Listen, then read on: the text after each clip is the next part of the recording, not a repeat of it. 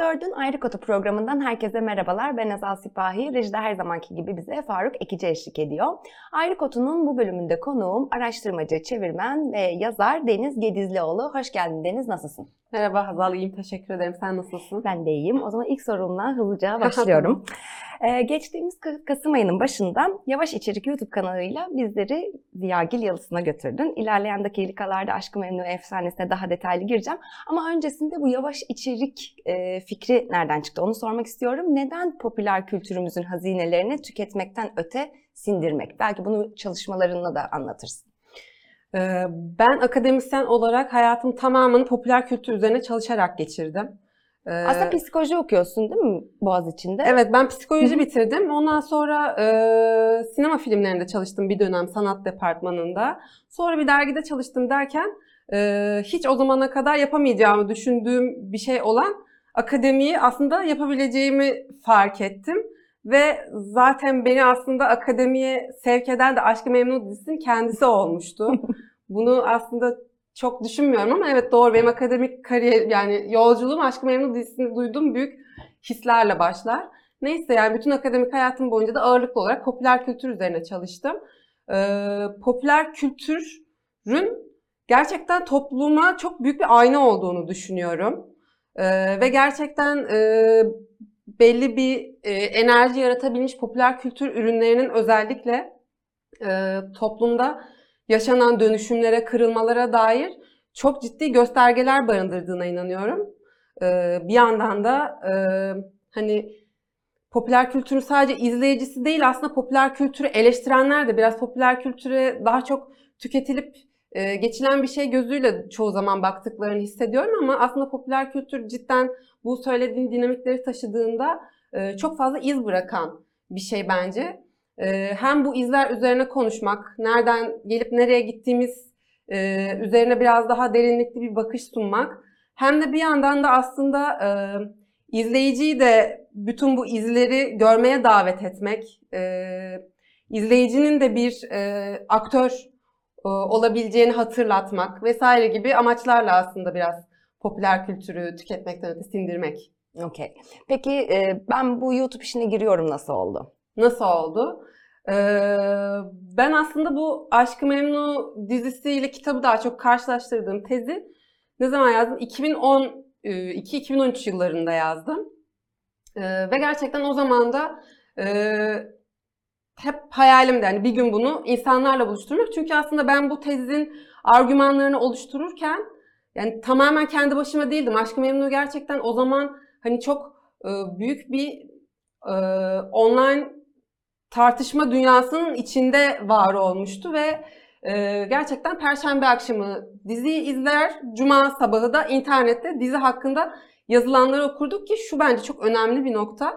O zaman hani online basın da bu kadar e, ön planda değildi ve e, insanlar gerçekten izleyicilerin yaptığı yorumlar ve tartışmalar hani zevkinize göre daha farklı farklı platformlara gidebilirsiniz ama gerçekten izleyiciler tarafından üretilen bir eleştiri ve tartışma ortamının içerisindeydik ki ben burada yeri gelmişken aslında teşekkür etmek istediğim iki isim var. İkisiyle tanışmıyorum ama Aşk-ı Memnun'un yayınlandığı dönemde Ekşi Sözlük yazarı olan 1945 ve İsolde ikisi de e, her cuma Aşk-ı Memnu yorumlarını okuma- okumak için koşarak gittiğim isimlerdi. Ve hasılı kelam yani bütün bu kolektif bir şekilde yaşanan şeyi e, yeniden insanlarla paylaşmak benim her zaman hayalimdi. Gel gelelim e, bunu tabii ben bunu yazarken böyle bir YouTube ortamında değildik ve o zamanlar hani belki bir gün bir kitap yaparım falan diye düşünüyordum. Ama daha sonra hani YouTube'un anlatı imkanlarıyla tanışmaya başladıkça bir izleyici olarak gerçekten benim o interdisipliner yaklaşımıma çok uyduğunu gördüm ve aslında bu şekilde yuvasını YouTube'da bulmuş oldu diyebilirim. Şahane. Ee, aslında yavaş içerikle de beraber e, Aşk-ı Memnu nostaljisinde bir e, Kasım ayı geçirdik. İşte sadece senin belgeselin değil aynı zamanda Bihter filmi de yapıldı. Daha sonra Beren Saat'le Kıvanç Tatlıtuğ e, bu son Netflix filminde tekrardan bir araya geldiler falan. Senin peki hani bu projeyi bu zamana denk getirmende tam bu gündeminde etkisi var mıydı diye soracağım. Maalesef yok. Ee, bu aslında benim tamamen e, şahsi takvimim, diğer çalışmalarım ve biraz da plansızlığımdan kaynaklanan bir durum. Çok hani PR işine fazla kafa yormuyor olmamla ilişkili bir durum. Çünkü eğer planda davranacak olsaydım bu iki gündemden de biraz daha geride, daha evvel bitirmiş olmayı tercih ederdim. Ee, çünkü e, bütün bu bahsedilen yapımların da Aşk-ı Memnu aslında efsanesinden e, bir şeyler devralmaya çalışan ama o efsanenin üzerine çok da kafa yormayan özellikleri olduğu için hani tam tersini yapmaya çalıştığım bir yerde çok hani aynı e, sahada yer almayı tercih etmezdim aslında. Evet güzel söyledin. Peki bu yüksek lisans tezini söylemiştin. Yani hem Ay Yapım dizisini hem de e, şeyi romanı Aşkı Memnu romanını karşılaştırıyorsun. E, yavaş içerikte de işte bu üç bölümlük belgeselle başladın. Peki mesela hani diziyi izlediğin o ilk günlerden 2008-2010 ım, zamanından e, bugüne diziye karşı yaklaşımında, diziyle alakalı fikirlerinde, karakterlerle alakalı işte dü- düşüncelerinde böyle büyük değişimler, önemli değişimler, dönüşümler oldu mu diye sormak istiyorum. Aa, ben hiç böyle düşünmemiştim aslında. O zamanlardan da hani Firdevs Yöreoğlu'nu çok büyük bir ikon olarak mı görüyordun? Yoksa zamanla daha çok mu anladın gibi bir soru bu. Anladım. Yani aslında e, Aşk Memnu efsanesinde gösterdiğimin aksine ben bir Firdevs Yöreoğlu fanı değilim. Ben Matmazel fanı bir insanım. Bu da onun tam tersi demek oluyor aslında. Ama ben Aşk-ı Memnu'daki bütün karakterleri e, iyisiyle kötüsüyle hani e, özdeşleşebileceğimiz ya da en azından anlayabileceğimiz bir şeyler sunduğunu düşünüyorum.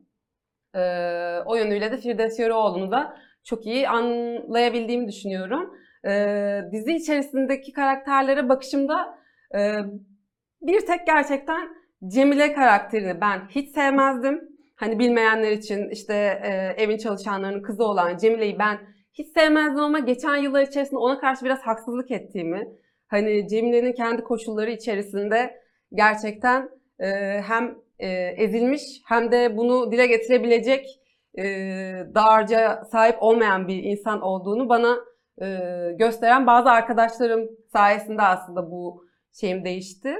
E, daha dizinin genel çerçevesi anlamında konuşursak da şöyle bir şey oldu aslında. Bu diziyi izlediğimiz sırada ya da işte hemen biraz sonrasında ben tez yazarken birkaç yıl sonrasında falan hani orada benim e, tartıştığım e, şeylerin, dinamiklerin nereye bizi götüreceğini henüz bilmiyorduk ama aradan geçen işte 15 sene oldu herhalde değil mi? Aradan geçen 15 sene içerisinde bizi artık nereye götürdüklerini biliyoruz ve e, çok da zannettiğimiz kadar iyi bir yere götürmediğini düşünüyorum kendi adıma. Peki dizinin finalini sen nerede izlemiştin? Ben şey hatırlıyorum e, 2009-2010'da e, Washington DC'deydim ve böyle son derste e, saat farkından dolayı diziyi açıp izliyordum falan böyle arka sıralara geçip. E, Sen dizi izlendiğinde neredeydin? Bir de finali nasıl izledin? Çünkü e, ilk bölümde de şeyden anlatıyorsun yani mecliste bile bir olay oluyor. Hani, O da finalde. evet olan şey. finalde final var final var falan diye. Ya o kadar büyük bir şey olduğunu izlerken anlamamıştım aslında. Çünkü hani biz de canlı izliyoruz. Herkes gibi onun parçası olmak istiyoruz. Yani ben o zaman hani e, iki sene boyunca Aşk-ı Memnu'yu beraber takip ettiğimiz ve çok sevdiğim arkadaşlarımla birlikte bir evde e, izlemiştim. Ki aslında bir topluluk içinde izlemenin sonra bu işin hakkını vermeye yetmediğini düşünerek ertesi gün gidip bir daha izlemiştim tekrar yayınlanınca. Tek başıma bu sefer. Ee, ama o anda çok farkında değildim yani bu kadar dev bir şeyin içinde olduğumuzun. Onu ancak gerçekten e, o da ilk bölümde bahsettiğim bir detay. Hani Twitter'a girip e, Twitter'da o zaman dünya trendleri, Türkiye trendleri vesaire daha hani e, daha çok dikkati çeken parametrelerdi. Dünya trend yani sadece Türkiye içinde konuşulan bir şeyin dünya trendlerinin birinci sırasına yerleştiğini anlayınca tüm Türkiye'nin gerçekten o anda onu izlediğini o zaman idrak etmiştim ve ne kadar büyük bir şey yaşandığını anlamıştım. Evet, Batis Aski Memnu değil mi? Öyle bir şeyler giriyoruz. Sen ilk bölümünde Aşkı Memnu efsanesinin, e, Aşkı Memnu'nun seks olumlayıcı tavrından bahsediyorsun 2008 yapımı dizinin. Diğer yandan Adnan Ziyagil'in Bihter'e tecavüz etmesi de geçiştiriliyor aslında dizide. Ve e, Adnan Ziyagil bir cinsel şiddet faili de olsa bir yandan hani tırnak içinde o mükemmel kurban da olabiliyor. E, sanki bir kadın söz konusu olsa böyle olamayacak bir şekilde. Bu da böyle aklıma benim cinsel çifte standartları getirdi. O yüzden de slut shaming'e bağlamak istedim. Bu arada slut shaming ile alakalı bayağı yazıp çiziyorum ediyorum. Ee, senin Aşkı Memnu ve slut shaming dediğinde aklına neler geliyor? Böyle hani dizilere baktığında hem böyle TRT yapımı diziye hem 2008 yapımı diziye hem de e, kitaba baktığında e, Aşkı Memnu'nun ahlakçısı, slut shamer'ı kim? Hedefinde en çok kim, kimler var bu slut shamer'ın?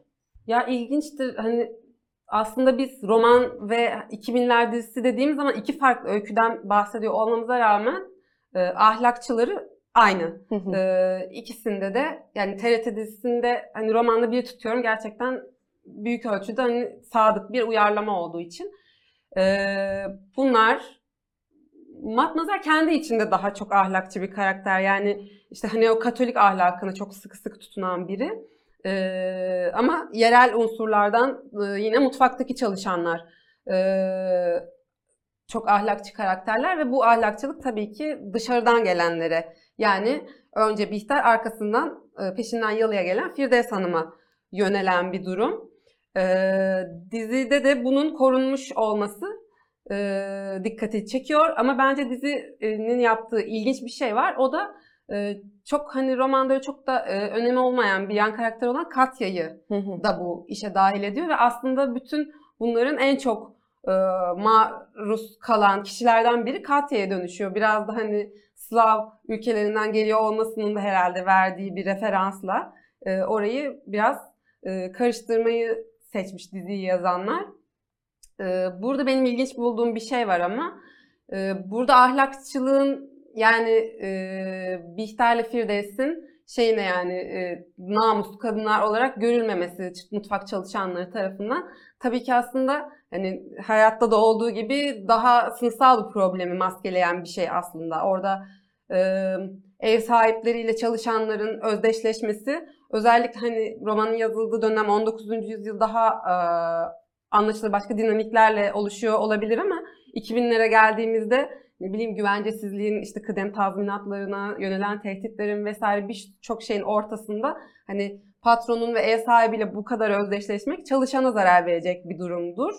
Ee, bu e, ahlakçılık da aslında dışarıdan gelenleri daha çok imlemeye yarayan bir şey olduğundan tabii ki Firdevs'le Bihter'e çok bir şey olmuyor. Onlar zaten üst sınıftalar, yukarıdalar. Ama aşağıda Katya'nın da bu e, müsabakaya dahil olmasıyla diyeyim e, dizinin ilginç yerlerinden biri ortaya çıkıyor. Yani o şeyi görünür kılmaya yarayan karakterlerden biri olduğunu düşünüyorum Katya'nın. Hani o e, Ziyagil yazısındaki cenneti, birlikteliğin e, aslında içindeki farklı sınıflardan grupların hani mutluluğu, görünürdeki mutluluğu, illüzyonu olduğunu gösteriyor bence. Evet, ona da geleceğim birkaç soru sonra.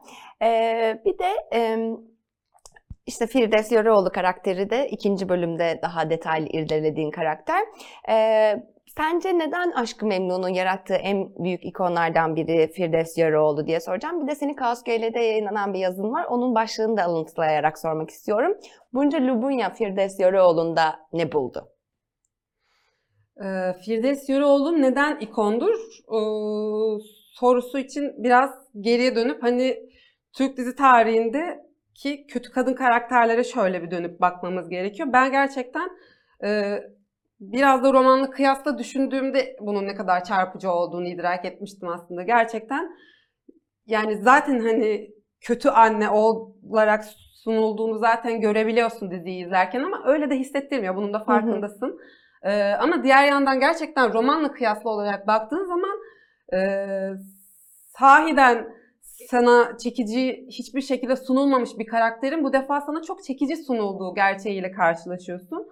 Ee, tabii yani ki fiziksel anlamda bir çekicilik mi? Hayır, sadece fiziksel anlamda değil. Ee, bu fiziksel özelliklerin de e, kullanılarak gerçekten e, kendini güçlendirmiş bir karaktere dönüştürülmüş.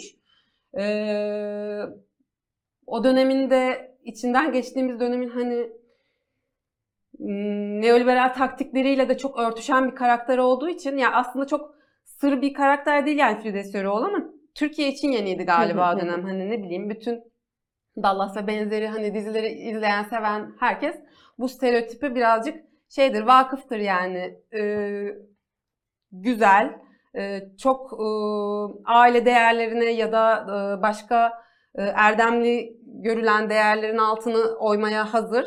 Bu erdemleri daha çok kendi çıkarına hani manipüle edebilecek. Ama günün sonunda aslında karşısında e, daha evvel ezildiği, daha evvel dezavantajlı bulunduğu bazı gruplara karşı kendini güçlendiren bir karakter modeli bu. Ama neden ikon oldu sorusunun birçok cevabı var. Tabii ki bir tanesi Nebahat Çehre bunlardan. Ee, ben Nebahat Çehre'nin kariyerine bu kadar vakıf değildim. Aslında bu belgesel için araştırırken bazı ayrıntılarla biraz daha e, haşır neşir olduğum zaman e, yani tam da Firdevs Yöreoğlu için özel olarak bu yani özel olarak seçilip seçilmediğini bilmiyorum tabii ki ama Firdevs Yöreoğlu diye bir karakteri Türkiye'de e, bir daha başka bir insan bu kadar başarıyla var etmedi. Yani Hı hı. bu bir tesadüf olmasa gerek. E, bunun dışında işte ikinci bölümde anlatmaya da çalıştığım gibi Firdevs Yöreoğlu'nun bütün o e, şeye aslında yıkıyor olması. Hani genç ve güzelken bir takım şeylerle idare edebilen, yani idare edebilen dediğim e, bir takım şeylerin yanına kar kaldığı ama yaşlanınca bunun sonuçlarıyla yüzleşmek zorunda kalan kadın stereotipine karşı e, hiçbir şeyle yüzleşmek zorunda kalmayan, e, onu utandırmasını bekleyeceğimiz bütün bir aile sisteminin karşısında dimdik sonuna kadar durabilmiş bir karakter olmasıyla tabii ki her şeyden önce bir ikondu. Sorunun, sorunun devamına gelecek olursak hani bunca Lubunya Firdevs Yöreoğlu'nda ne buldu diye sorduğumuzda e, bundan kaynaklanan bir haz buldular. Çünkü Firdevs Yöreoğlu'yla e, LGBT artıların e, ortak e, sorunları var. Yani bu aile sistemi içerisinde biraz boynunu eğmesi beklenen, daha utandırılmaya yatkın, genelde biraz dışarıda bırakılan karakterler olarak ortak bir kaderi paylaşıyorlar aslında Firdevs Yöreoğlu ve LGBT artılar ve genç kadınlar hatta çoğu zaman.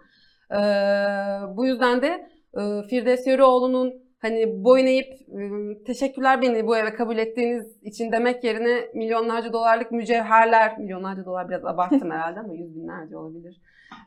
Mücevherlerin kendisine alınmasını sağlaması tabii ki çok mutlu etti, çok haz verdi izleyenlere diye düşünüyorum.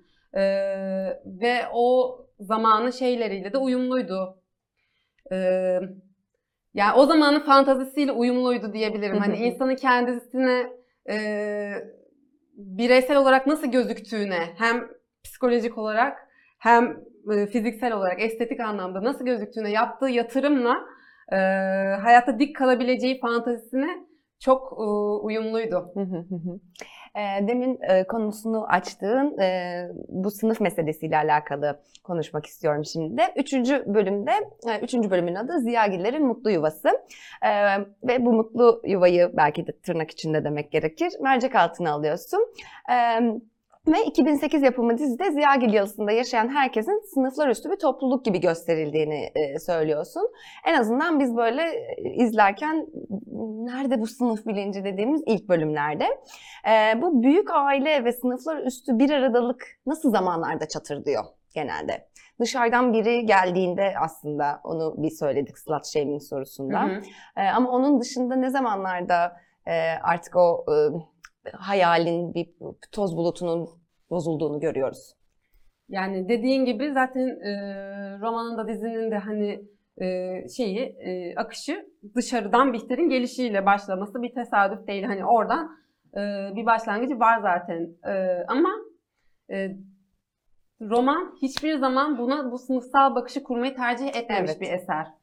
E, o yüzden de aslında aşağıdakiler her zaman biraz daha silik e, karakterler olarak kalırlar. Orada daha ahlak ya da etikle ilgili yani bir çatışmayı görürüz biz her zaman ama dizi bunu sınıfsal bir düzlemede taşımasıyla ilginç aslında. O çatırdama da Ee, Bihter'in mesela gelişiyle ya da Firdevs Hanım'ın arkasından biz Cemile'de bazı imar, emareler görmeye başlıyoruz. Fakat ilginç bir şekilde dizi bunu e, kitabın belki hani olumlandığını söyleyemeyiz ama sonuna kadar anlaşılmaya çalışan karakteri olan Nihal e, bu romandan diziye aktarıldığı zaman e, tuhaf bir şeyle karşılaşıyor Nihal karakteri. Hani acımasızlık da diyeyim. Aslında Nihal gerçekten dizide resmedildiği kadar da e, sığ bir karakter değil gerçekten. Bu dile getiren de bir sürü insan oldu. Hani benim e, belgesel yayınlandığı zaman. E, fakat bu yani Nihal karakterine yapılan haksızlık bir yana bunun ortaya çıkardığı e, çok sınıfsal bir dinamik var. Yani zaten evin içindeki hani o sevgi, saygı, bağlılık zaten çok tuhaf. E, ve bu tuhaflığın bir anda hem de Bihter ve Firdevs'in etkisi olmaksızın, o dışarıdakilerin gelişinin etkisi olmaksızın gerçekten hani e, Nihal daha kendi e, zenginler cemiyetinde aslında açılmaya Hı hı. başlarken ortaya çıkmış olması konunun biraz dışarısı ve içerisi yani o evin içindeki şeyin, illüzyonun tamamen evin içinde kalmakla sadece sürdürülebileceğini, gerçek hayatla en ufak bir temas oluştuğunda kolayca e, kırılabileceğini bence göstermesi açısından ilginçti. Peki mesela Aşk-ı Memnu üzerine bir sürü işte içerik üretildi, yazıldı, çizildi. Bahsettiğin gibi işte ekşi sözlükte sayfalarca yazılar, Twitter'da işte yorumlar vesaire. Ama tabii bir de mimler var. Ee, sence en olay Aşk-ı Memnu mimi hangisi? Ben çok iyi bir meme takipçisi değilim ama e, benim çok sevdiğim bir meme e, bu şeydir. İşte 2020 başlarken 2020 biterken şablonunu düşünün. İşte onun başında şey Firdevs Hanım hani kumar masasında kahkahalar atıyor yeni kazanmış. 2020 biterken ise hani kızı Bihter öldükten sonra yüzü çarpılmış. E, bunu çok severim. Çok birçok şeyi gerçekten iyi anlatan bir şey olduğunu düşünüyorum. Doğru. Ee, şimdi doktora tezini soracağım. Doktora tezinin başlığı bazen tek imkan patostur. Yeşilçam kadınları için bir protesto alanı olarak anne melodramları. Daha det- detaya girmeden önce anne melodramları derken nasıl bir alt türden bahsediyoruz onu soracağım. Bir de hani böyle işte Yeşilçam'dan e, şimdi böyle bahsettiğinde adını söylediğinde Aa, çat diye insanların hatırlayabileceğini düşündüğün örnekler var mı anne melodramlarında? Ya e, hani kadın melodramların genel olarak bir alt türü olarak e, isimlerin çok ha- hafızada olmadığını fark ettim. Bu soru bana çok soruluyor ve sonra o isimleri saydığımda genelde insanlarda çok bir ışık yakmadığını görüyorum. Ama yine de en ünlü örneğini söyleyecek olsam Ayşecik ve Ömercik iyi bir örnektir. E, daha çok olay örgüsünü verdiğimde hemen ne olduğunu herkes bileceğini düşünüyorum. E, anne ve çocuğun e, annenin bir sebepten şey olarak görülmesi, ihanet vesaire gibi ihanet Hı hı. tam olarak sebebiyle aileden koparılması, aileden atılması, çocukla annenin birbirinden ayrı düşmesi ve sonra yıllar sonra bu e, ikilinin yeniden bir araya gelmesi o anlatı yapısı Hı hı. üzerinde oluşan bunlar e, 60'larda tam Yeşilçağ'ın Yeşilçam'ın altın çağı dediğimiz e, dönemde ortaya çıkmış bir alt tür bu. E, ve e, aslında bu dönemin bir özelliği e, kadın filmlerinin çok yükselişe geçmesi. Aslında biz bunu Yeşilçam'ın her zaman var olmuş bir özelliği zannediyoruz ama e, değil. Yeşilçam daha çok e, sektörel olarak özelliklerini daha geliştirmeye başladıkça e, gerçekten 60'larda bir e, kadın izleyici e, mevhumu geliştiriyor ve bu izleyiciye yönelik özel olarak filmler üretme ça- çabası, ona dair anlatı e, biçimleri geliştirilmesi daha çok 60'larda gördüğümüz bir şey. E, bununla ilgili başka bir soru var mı? Fi- filmlerden örnekler diye sorduğunda e, Ömercik de Ayşecik filmlerini söylemiştin. Ee, peki Yeşilçam'ın anne melodramları kadınlar için nasıl bir e, protesto alanı oluşturma kapasitesinde? Nasıl? Yani bu türün benim e, ilgimi çeken ilk özelliği aslında ya bu annelik melodramları dediğim şey Hollywood'da Stella Dallas e, arkasından çok tartışılan e, bir konu. Fakat e, Yeşilçam'la Hollywood arasında çok ciddi dikkat çeken bir fark var. Hı hı. O da e, Stella Dallas'ta olduğu gibi genelde Hollywood'da annelik melodramları e, kadının e, sahneden silinmesiyle daha Hı hı. çok sonuçlanıyor. Yani sahneden silinme demeyelim ama çocukla annenin yeniden birleşmesi filmin teleolojisi değil.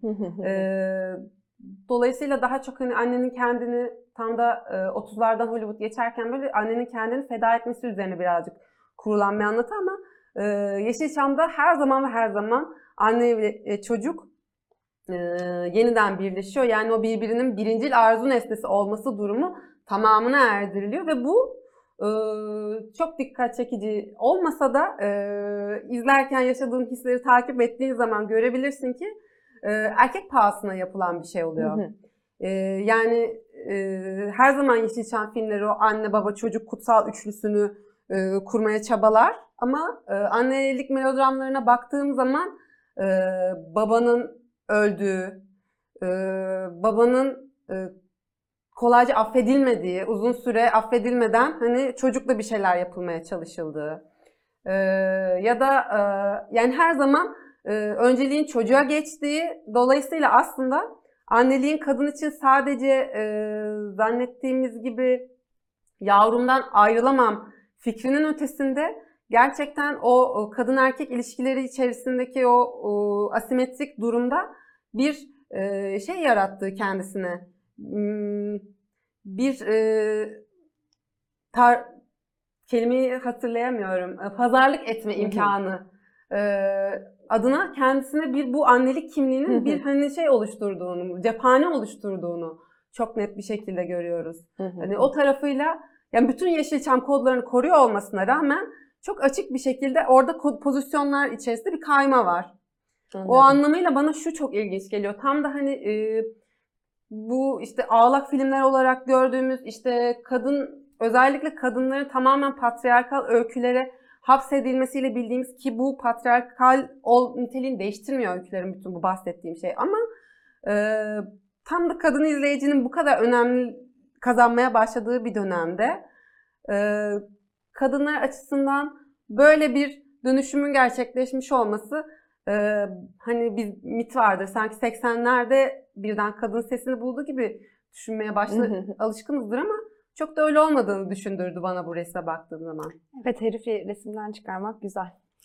Ee, peki e, yavaş içerik dedin. Yani adı üstünde yavaş içerik. Belki hani böyle çok hızlı hızlı hızlı bölümler gelmeyecek senden ama ne üzerine çalışacaksın şimdi yavaş içerikte diye sorayım. Daha belli mi? Nasıl gitmeyi planlıyorsun? Yani bu e, belgeseli yayınladığımda şöyle bir şeyle karşı karşıya kaldım. Hani e, YouTube'da var olmanın YouTube'un sana e, dayattığı bazı koşullar var. E, ve bunun insanlarda oluşturduğu bazı e, pratikler var. E, ve bunlara uymak istemiyorsan e, nasıl ilerlemelisin? Yani bunu çözmek çok kolay olmadı. Hala da tam olarak çözdüğümü söyleyemem. Ama e, gerçekten e, nitelikli içerik üretebilmek için e, oturup biraz düşünmek gerektiğini, e, bu, tüm bunlar bizde bir iz bırakıyorsa izleyen de de bir süre kalması için zaman vermek gerektiğini inanıyorum. E, özel- en azından yayın politikamın bu olacağını söyleyebilirim.